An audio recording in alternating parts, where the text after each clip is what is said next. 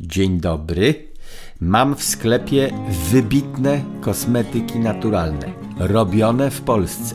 Cedrowe, z węglem aktywnym, z wyciągiem z yerba mate. No pachną obłędnie i Państwu się bardzo podobają i schodzą nie jak świeże bułeczki, tylko jak tak schodzą.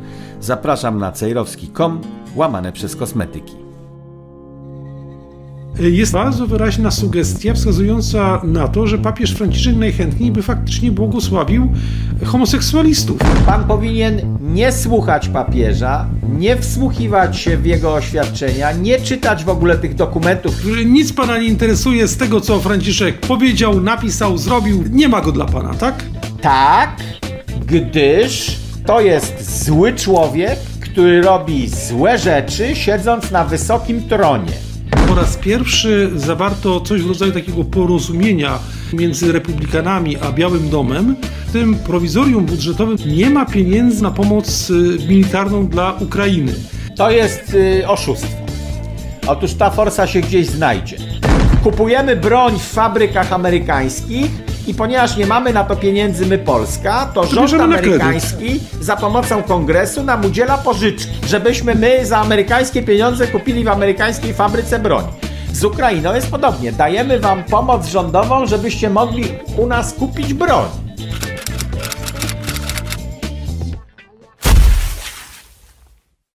Dzień dobry Państwu, kolejny program Antysystem. Paweł Lisicki w Warszawie, Wojciech, Wojciech Cejrowski Cejrowski na prerii. Na prerii, niech będziesz na prerii.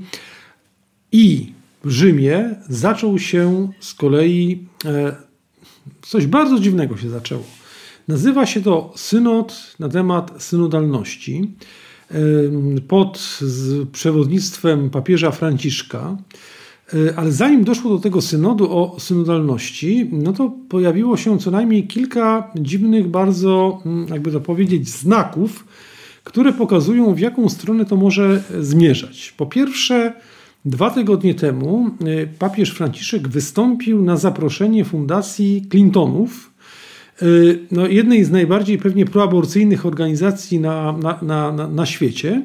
No i tam opowiadał o potrzebie walki o lepszy klimat, o sprawiedliwość społeczną i tak dalej. No, już pomijam to, że to, co mówił, to jest tak, tak zwany świecki humanitaryzm, ale to, na czyje zaproszenie się pojawił, no to jednak dodaje tutaj dodatkowego smaczku. No ale nie tylko to. Trzy dni przed rozpoczęciem obrad tegoż synodu o synodalności odbyła się jakaś przedziwna paraekumeniczna impreza z udziałem różnych przedstawicieli różnych wyznań chrześcijańskich. A oni się tam wszyscy, wszyscy się razem modlili, wszyscy razem udzielali błogosławieństwa.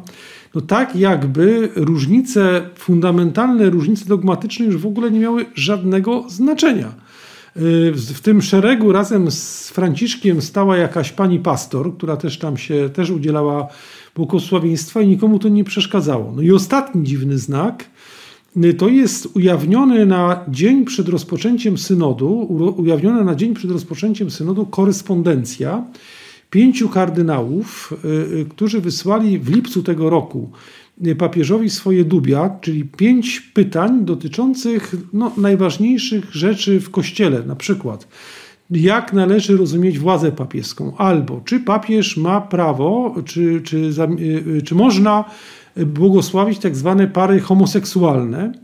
E, I jeszcze trzy inne pytania. I potem papież Franciszek im odpowiedział. To jest też list, został ujawniony przez tych kardynałów na dzień przed, na dzień przed y, rozpoczęciem tego synodu, synodalności, i odpowiedział im w sposób, który no ja przeczytałem tę tę odpowiedź i naprawdę trudno powiedzieć, jakie jest jego zdanie. Moim zdaniem, moim zdaniem, y, jest tam bardzo wyraźna sugestia wskazująca na to, że papież Franciszek najchętniej by faktycznie błogosławił homoseksualistów i osoby y, pozostające w związkach jednopłciowych. No, y, y, to robi wrażenie czegoś szatańskiego i piekielnego wręcz. Nie wiem, jaka jest Pana obserwacja o tych, o tych rzeczach, o których mówię. Ja się nie skupiam już od dawna na szczegółach, co to tam konkretnie Franciszek powiedział, Wielka Rosja, a potem powiedział to, co pan cytował przed chwilą, a wcześniej jeszcze o czymś innym mówił. Ten papież nie zajmuje się y, katolikami i doktryną, tylko jeździ na przeróżne imprezy, korzystając ze stołka i tytułu papież i zajmuje się sprawami innymi, którymi w dodatku Kościół nie powinien się zajmować. No i jeździ do tych organizacji. Clintonowie to nie jest największa tam organizacja proaborcyjna na świecie. No jedna, są, jedna z największych, tak. To są sataniści. To nie jest tam, znaczy proaborcyjna to jest jeden z wielu dziesiątków elementów. To tak jakby pan mówił, że Soros jest proaborcyjny. To tam to, okay, to jest okay, detal. No. Musiałem to, to jakoś detal. określić. Wie pan, jak ja, jak ja bym zaczął od razu o tych satanistach, no to byśmy nie mieli skali porównawczej, no przecież jedni, jedni są tam gorsi od drugich. Tu Soros, tu Klaus Schwab, nie, nie, moim. Zdaniem rozważania, rozważania takie, ilu diabłów wchodzi na, na szpilkę i wystarczy nam taka wiedza, że wśród diabłów też jest hierarchia bo oni powtarzają porządek boski, tylko go odwracają, więc są też książęta piekieł i są diabły powszedniego użytku, natomiast mamy się w to nie wpatrywać. To są zadania dla specjalistów typu satanista, żeby on tam rozpoznawał, czy ma z legionem do czynienia, czy z pojedynczym ciurą piekielnym. E, no i takie rozważania, że są gorsi i gorsiejsi i jeszcze bardziej gorsi. No nie, coś jest złem i tutaj kończymy. Mowa nasza jest prosta. To jest złe i nie obchodzi mnie, że to jest zły jeden diabeł pojedynczy, czy jakiś jeden wielki i mocny. W ogóle mnie to nie Ale obchodzi. dobra, ja się, ja się z panem zgadzam, tylko wie pan, ja to opisuję w takich kategoriach, no bo powiem tak, jest grupa wciąż, no, łatwo to się mówi, jak, jak się to w ten sposób opisuje, ale przecież jest miliony zwykłych katolików w Polsce przynajmniej, na zachodzie już nie jestem pewien, jak to z nimi jest. I oni są w potwornym stanie pomieszania, już nie wiedzą, co właściwie, czego się słuchać, kto tutaj ma rację, no bo papież to papież, prawda? No to szacunek, to posłuszeństwo, tradycja i tak dalej. A z drugiej strony słyszą i widzą te przedziwne gesty, zaskakujące wypowiedzi, włos się na głowie jeży i nie wiedzą, co z tym robić, jak się wobec do tego odnieść. A co będzie, a, bo... a co będzie, no. już to dokończę, jak papież zrobi to, o czym mówię, że może zrobić, bo to jest na razie taka sugestia, ale moim zdaniem za tą sugestią pójdą czyny i na przykład ogłosi tak, dobrze, księża mają prawo błogosławić homoseksualistów, pary homoseksualne. No przecież to jest y, błogosławieństwo grzechu wołającego pomstę do nieba. To jest zaprzeczenie objawienia w każdy możliwy sposób. Znaczy to jest diabelstwo. I co wtedy ma zrobić katolik? Uwaga! Wysłuchałem o. bardzo dobrego kazania niedawno, no. które lokalny proboszcz wygłosił i ono porządkuje tę sytuację. Szeregowi katolicy w Polsce wpatrują się w papieża, bo myśmy mieli Jana Pawła II i on nam był nieraz bliższy od lokalnego biskupa czy własnego proboszcza. No bo tam nasz papież i tak dalej. To wszyscy czujemy o co chodzi. Natomiast w normalnej sytuacji pan powinien nie słuchać papieża, nie wsłuchiwać się w jego oświadczenia, nie czytać w ogóle tych dokumentów, chyba że pan jest specjalistą, bo w kościele jest pewna hierarchia. Szeregowy katolik odpowiada i słucha swojego proboszcza i odpowiada przed swoim proboszczem. W sytuacji w konfesjonale to nie musi być proboszcz, słuchasz człowieku swojego spowiednika i nie analizujesz w relacji w konfesjonale, nie mówię do pana teraz per ty, tylko ty człowieku, mówię do wszystkich katolików. Tak, rozumiem. Nie analizuje się w konfesjonale, y, co by na to powiedział biskup. Tylko ja jestem teraz w tej zamkniętej sytuacji i nie obchodzi mnie, co by powiedział biskup. Obchodzi mnie, czy ta moja spowiedź jest ważna i co mi ksiądz zadał za pokutę, czego, co mnie pouczył i tak dalej. Y, w relacji z proboszczem jest pańska relacja, Proboszcz z kolei jest w relacji z biskupem. Szeregowy katolik bardzo rzadko jest w relacji z biskupem. Sytuacje okazjonalne, wizytacja w parafii, odpowiedzialność się kończy na proboszczu. On idzie do biskupa i dalej biskup idzie do papieża. Jest parę sytuacji, w których można ominąć tę wojskową hierarchię. W wojsku jest podobnie. Szeregowca interesuje kapral, a nie dyrektywy ze sztabu centralnego. Szeregowiec w ogóle tego nie powinien czytać ani rozumieć, co tam w sztabie generalnym się dzieje. poza sytuacjami wyjątkowymi. Więc nasze zajmowanie się ciągłe papieżem to jest przekroczenie tej hierarchii o dwa stopnie. Nie powinniśmy w ogóle słyszeć tego, co mówi papież, chyba że przefiltrowane przez biskupa dojdzie do naszej parafii i nas ugodzi, i wtedy my idziemy znowu do proboszcza i mówimy, ale proboszczu, skąd to nagle to, co, o co chodzi? I on nam mówi, ja dostałem to od biskupa, a biskup to dostał od papieża. Wtedy dopiero zaczynamy się sytuacją interesować. Więc Franciszek jest kompletnie, powinien być poza zasięgiem naszego wzroku i słuchu. No nie, a to ja się tutaj z panem nie zgadzam. Nie zgadzam się, ponieważ my. Żyje, to, to jest opowieść, którą, e, jakby to powiedzieć, mogliśmy. Ta opowieść mogła być prawdziwa przed epoką mediów masowych, e, mediów masowych, internetu, telewizji i tak dalej. Nie. Teraz. To jest nadal prawo nie, kościelne, nie, nie, to co ja wygłosiłem. No nie, ale to, to jest prawo kanoniczne. Tak, ale prawo kanoniczne to jest jedno, a rzeczywistość to jest druga. Rzeczywistość polega na tym, że jeśli papież wygłasza na przykład, otwiera spotkanie Fundacji Clintonów, to nie musi pan czekać, aż panu coś tam proboszcz powie, a proboszcz nie pójdzie do biskupa. Tylko jest pan w stanie ocenić tę sytuację, czy ona ma sens, czy nie ma sensu, czy to dobrze, czy to jest źle.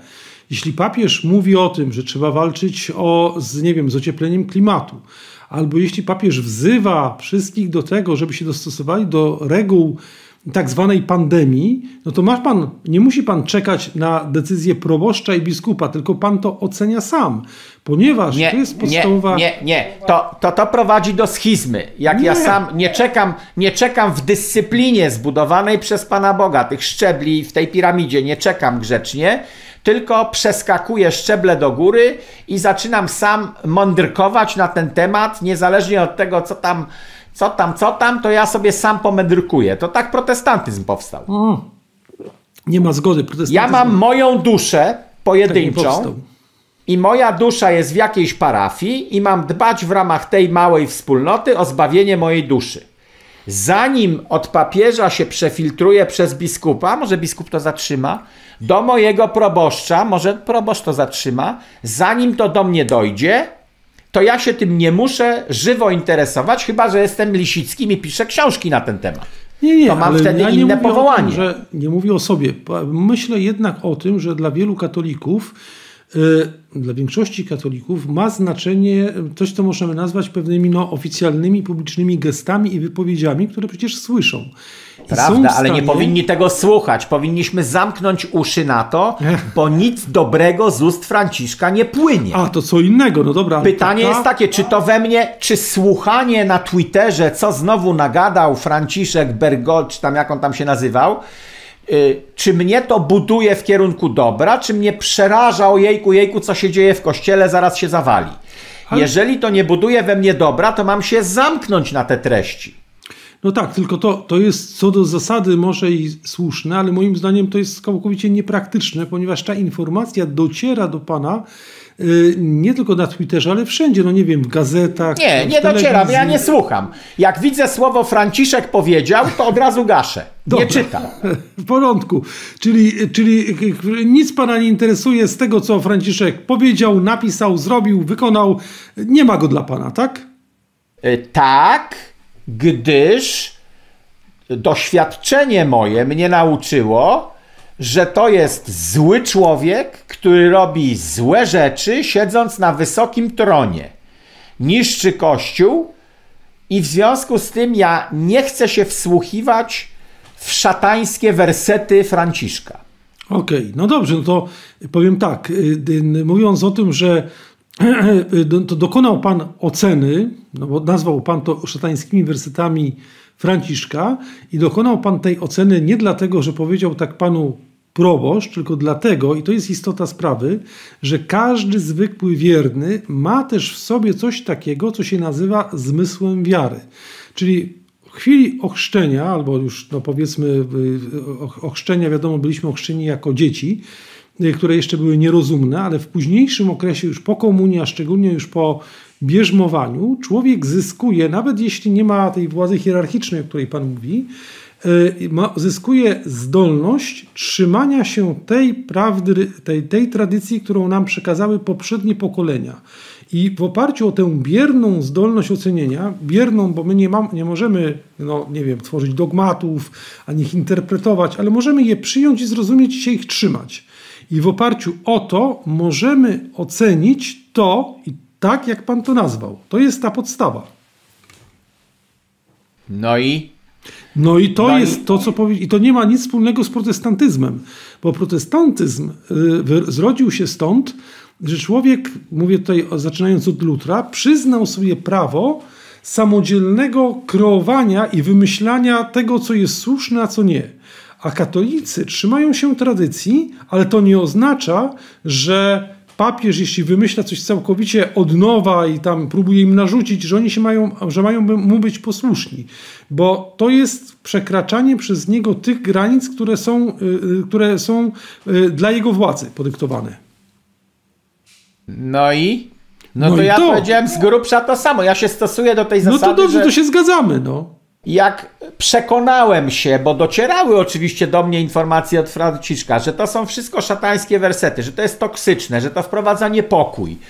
Zamiast pokój wam, kiedy Chrystus przechodził przez zamknięte drzwi, zaczyna od pokój wam. Czyli to jest nasza doktryna, że ma być pokój wprowadzony, a nie zamieszanie. No więc przekonałem się, słysząc ze wszystkich stron, że Franciszek buduje niepokój, rozwala kościół. I od tego momentu się zamknąłem. To tak jak z otrzepawaniem sandałów, że masz tam do niego pójść, pogadać, wysłuchać, próbujesz go przekonać we dwóch potem do doktryny, potem wysyłasz mu trzeciego jakiś autorytet. No a w ostatecznie masz zamknąć się na kontakty z nim. Więc ja doszedłem w kontaktach z Franciszkiem do tego ewangelicznego. Zamknij się, otrzep sandały swoje, nie wchodź do tego domu, nie słuchaj, co do ciebie mówią, bo cię to zepsuje. Dziękuję za subskrypcję mojego kanału na YouTubie i dziękuję za to samo na Ramble. Okej, okay, no to się zgadzamy. No, znaczy, zgadzamy się co do tego y, y, wniosku. Ja tylko twierdzę, że bardzo trudno mm, zachować tę postawę w sytuacji publicznych różnych działań, kiedy człowiek jednak musi się do tego, mm, uczestnicząc w dyskusji. No, bardzo trudne. No to jak do księdza na parafię przyjdzie baba z cycami wywalonymi, to ksiądz, no ona może tego nie robi specjalnie i nie kusi go, ale jego to kusi, no to powinien wzrokiem omijać. To jest sytuacja dla niego trudna, ale że trudna to nie znaczy, że, że ma tego nie robić. O, za trudne to se popatrzę. No dobrze. No tak, no sytuacja jest trudna, ale on ma nadal omijać wzrokiem, więc ja jestem w sytuacji, w której omijam wzrokiem cyce Franciszka, no. Boże, dobrze, już nie idźmy dalej w te metafory, bo aż się boję, do czego, do czego do, do, do, dojdziemy. To w takim razie krótka zmiana tematu, a właściwie zmiana jest po prostu zmianą, ale krótko chciałem porozmawiać o jeszcze jednym wydarzeniu, które miało miejsce tydzień temu. Mianowicie po raz pierwszy zawarto coś w rodzaju takiego porozumienia. E, mówię tutaj o mm, porozumieniu między republikanami a Białym Domem, na mocy którego pojawiło się prowizorium budżetowe, czyli nie doszło do wstrzymania działania państwa amerykańskiego. E, ale istotą tego jest to, że w tym prowizorium budżetowym na 45 dni bodajże nie ma pieniędzy, nie ma budżetu na pomoc e, militarną dla Ukrainy. E, I czy to oznacza, że, bo to republikanie, a właściwie część republikanów tego zażądała, czy to oznacza, że nastąpi, nastąpi rzeczywiście jakaś zmiana, czy to jest tylko takie odsunięcie w czasie? Jak pan na to patrzy? To jest y, oszustwo. Otóż ta forsa się gdzieś znajdzie. E, facet, który to robił, to była zła część republikanów, ta, która się przytula do demokratów, deep state, głębokie, ukryte państwo. Czyli to jest ten Kevin McCarthy, tak? Bo to rozumiem, że on tak. jest rzecznikiem, tak? Hmm? Tak. Jemu bardzo trudno było objąć stołek, nazwijmy to marszałka, żeby Polak szybciej rozumiał, jaką on ma funkcję. E, I musiał pójść na przeróżne ustępstwa wobec konserwatystów Czyli normalnie chciałby mieć postawę zachowawczą, bliską demokratom, ale ponieważ bez głosów y, konserwatywnej części Partii Republikańskiej nie mógłby zostać marszałkiem, to poszedł do przodu o kilka kroków za daleko w stosunku do swoich chęci. Teraz natomiast wystawił do wiatru tych konserwatystów, bo mowa była taka: zagłosujemy na ciebie, ale musimy e, powściągać budżet. Nie możemy zapożyczać państwa w nieskończoność. Budżet to nie mogą być stosy papieru, których nie jesteś w stanie przeczytać w dwa tygodnie ani w trzy miesiące. Że każdy przynosi swój stosik papieru i to jest dołączane do budżetu i nie wiemy co jest w środku, ale uchwalamy, bo każdy coś przyniósł. Tylko chcielibyśmy podzielić budżet na drobne porcje i głosować osobno. Ministerstwo Wojny, osobno Ministerstwo Edukacji, do likwidacji na przykład, bo nie chcemy wydawać na to pieniędzy, niech sobie szkolnictwo radzi samo. W Ameryce jest niepaństwowe, więc mogłoby. E, tutaj ich McCarthy oszukał. Otóż dał im kawałek marchewki, mówiąc, ale na Ukrainę nic nie będzie, natomiast dogadał się na całą masę złych rzeczy i samo prowizorium to już jest kolosalny błąd, bo prowizorium prowadzi do tego, że w ciągu 80 kilku dni musimy uchwalić budżet, bo jak nie, to yy, zawali się Ameryka. Co jest nieprawdą. Lepiej było zamknąć całą masę instytucji z braku pieniędzy i w tych warunkach uchwalać oszczędny budżet. Bo dlaczego? Dlatego, że wtedy widzimy, że ty, cała masa tych agencji, pomimo że są zamknięte, do niczego nie służy, czyli możemy je zlikwidować w budżecie. No tak, ale ja y, nie, nawet mnie nie interesuje, no bo wiadomo, że z pewnością są takie agencje czy takie instytucje rządowe, które do niczego innego się nie nadają, tylko są właśnie elementem tej wielkiej biurokracji. Ale pytam o to w, raczej w takim kontekście, że mam wrażenie, że jest ta presja na Bidena z różnych stron, y, mówię o Amerykanach, coraz większa, że jednak ta pomoc y, y, militarna i, i finansowa udzielona Ukrainie, że ona właściwie kompletnie nie wiadomo czemu służy. No po prostu nie ma nas... żadnego. Ja powiem szczerze, ja kompletnie nie wiem, co obecnie Ameryka zamierza osiągnąć tam na, na Ukrainie. To jest jakaś dla mnie no, y, trwa to już miesiącami, będzie trwało jeszcze latami i nie widzę żadnego sensownego celu, który mógłbym zrozumieć. No ale Biden też nie rozumie własnych celów osobiście. Okej, okay, no dobra, no. E, natomiast polityka amerykańska, no trochę tak jak w Afganistanie. Kompletnie niepotrzebna wojna. E, w armii jest tak, podręcznik armijny, że muszą być postawione konkretne cele, i jeszcze muszą być z punktu widzenia tej armii osiągalne. Bo można postawić cel nieosiągalny. Gdyby Kennedy powiedział, za 10 lat chcemy wylądować na Marsie, to nikt by nawet się nie zabrał e, do realizacji tego celu, gdyż on od początku jest nierealny. Czyli jest cel postawiony, jest konkretny, ale niewykonalny. Muszą być te dwa elementy. Cel musi być postawiony i musi być wykonalny, nawet jeżeli bardzo trudny. Nie, no, Jeśli chodzi o Afganistan, mhm. to nie był jasno określony cel, kiedy Ameryka wchodziła w tę wojnę. I on nie był od początku wykonalny. Mieli doświadczenia Brytyjczycy, Francuzi, Ruscy, wszystkim się poprzewracało. Wiadomo było, że to się nie da zrobić, co oni tam niby chcieli zrobić. Z Ukrainą jest identycznie jak z Afganistanem że cel jest niejasny. No pan nie wie, jaki tam jest cel. Dlaczego Ameryka się zaangażowała? Spekulujemy, no bo tam kupę ziemi kupili rolniczej. To chcą zabezpieczyć swoje interesy? No tak, no, ale, cel jest, cel jest, bo cele są różne. Pierwszy cel to był taki, żeby osłabić Rosję, no ale wszystko pokazuje na to, moim zdaniem, że Rosja jest obecnie silniejsza niż była, jak się ta wojna zaczęła. To po pierwsze. Drugi cel był taki, że trzeba odbić te tereny, które Rosjanie zajęli E, po 2000 najpierw 2014 roku, a potem po 2022 roku. Ale no tu przerwę. Po co Ameryka miałaby odbijać tamte tereny ja Kompletnie bezcennie. Ja, ja tego nie rozumiem. No, no, bo ja nie mówię panu, co jest... Że, znaczy, ja nie twierdzę, że ja to rozumiem, tylko mówię, że przynajmniej to deklarowali. Tylko, że, tylko, że to jest niemożliwe do wykonania przy, przy, w obecnych warunkach. No więc...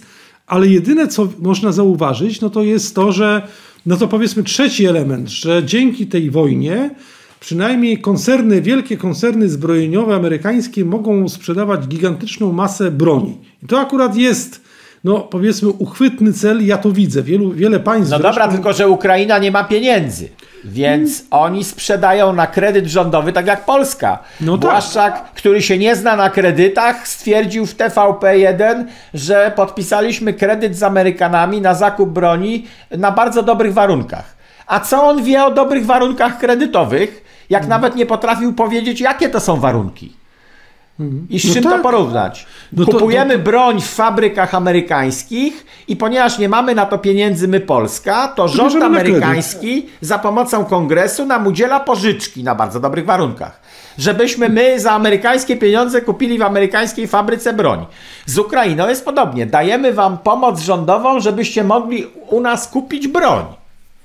To jest przelewanie pieniędzy podatnika w przypadku Ukrainy, bo pomoc rządowa jest bezzwrotna dla Ukrainy. Po prostu dajemy wam pieniądze, żebyście się mogli bronić. Czyli pieniądze podatnika zostały wzięte po to, żeby Ukraina zrobiła zakupy za pieniądze amerykańskiego podatnika w amerykańskiej fabryce broni. No to teoretycznie to jest jakiś powiedzmy rozsądny cel z punktu widzenia Amery e, Ameryki. Z punktu widzenia lobbystów z fabryk broni. Tak, lobbystów z fabryk podatnik. No to- amerykański by im nie dał pieniędzy tak po prostu. To Oczywiście. weź z moje podatki sobie tam wsać Lockheed, czy kto tam, weźcie sobie naszą forsę.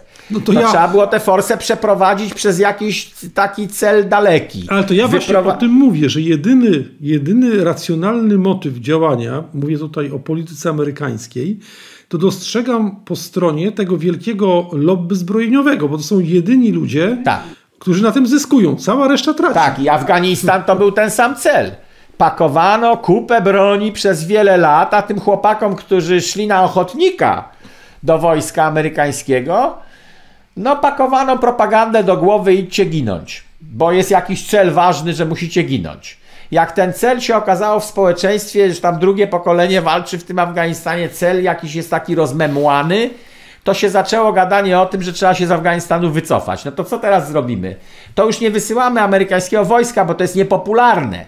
W Iraku było niepopularne, w Afganistanie było niepopularne, to już nie wysyłamy polskich chłopaków, ale dalej chcemy forsę zarobić. No to broń wysyłajmy na Ukrainę. No, broń, no i oczywiście wysyłajmy Ukraińców, no bo, y, że, że tak powiem, ktoś musi tej broni używać. Więc e- efektem tej polityki, bo znowu patrzę na to teraz z punktu widzenia o, interesów ukraińskich, no jest co? Stracon, straconych 20% powierzchni ziemi, miliony ludzi, które uciekło i setki tysięcy, które są albo ranne, albo zginęły. No to jest polityka zupełnie postawiona na głowie. No, nie, nie, E?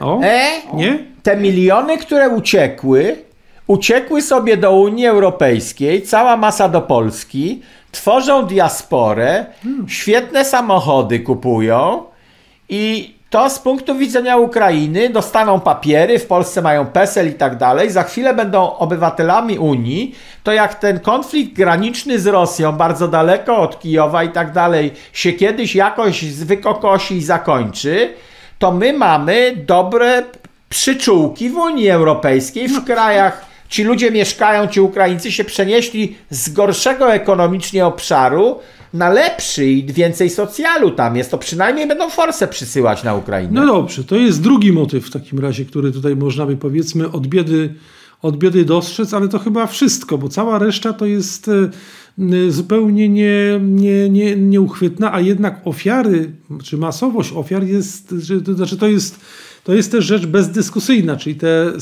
setki tysięcy ludzi, które czy to zginęły, czy zostało rannych, a często to są, to są takie rany, że tak powiem, nieodwracalne, czyli są ludzie, potracili, nie wiem, ręce, nogi i tak dalej. No, wszystko razem dosyć, e, dosyć to pokazuje, że no, ale jeszcze jedna rzecz, i nie ma żadnego planu wyjścia z tego. Nie wiem, czy pan zauważył, że teraz się mówi, że ta wojna ma trwać 5 lat, 10 lat, w nieskończoność.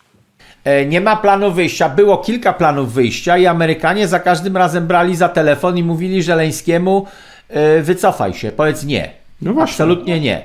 I w związku z tym Ameryka nie daje Putinowi żadnej szansy, y, żeby się dogadał na cokolwiek, bo za każdym razem jak jakiś Erdogan, czy nawet któryś z amerykańskich polityków wymyśli taką sztuczkę, dobra, to dogadajmy się z tym, dogadajcie się wy, Ukraińcy, z tym Putinem w taki to, a taki sposób na zakończenie wojny, na rozejm nawet.